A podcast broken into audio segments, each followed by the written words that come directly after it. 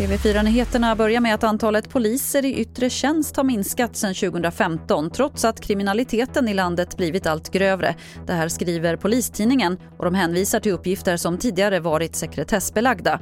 Polisförbundet menar att det är de tuffa arbetsförhållandena som kan vara en av orsakerna. Idag ska Nato hålla ett särskilt möte för att prata om förgiftningen av den ryska oppositionsledaren Alexej Navalny.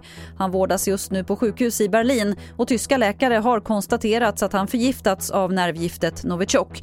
Jonas Källgren som är på plats i Berlin säger så här om mötet.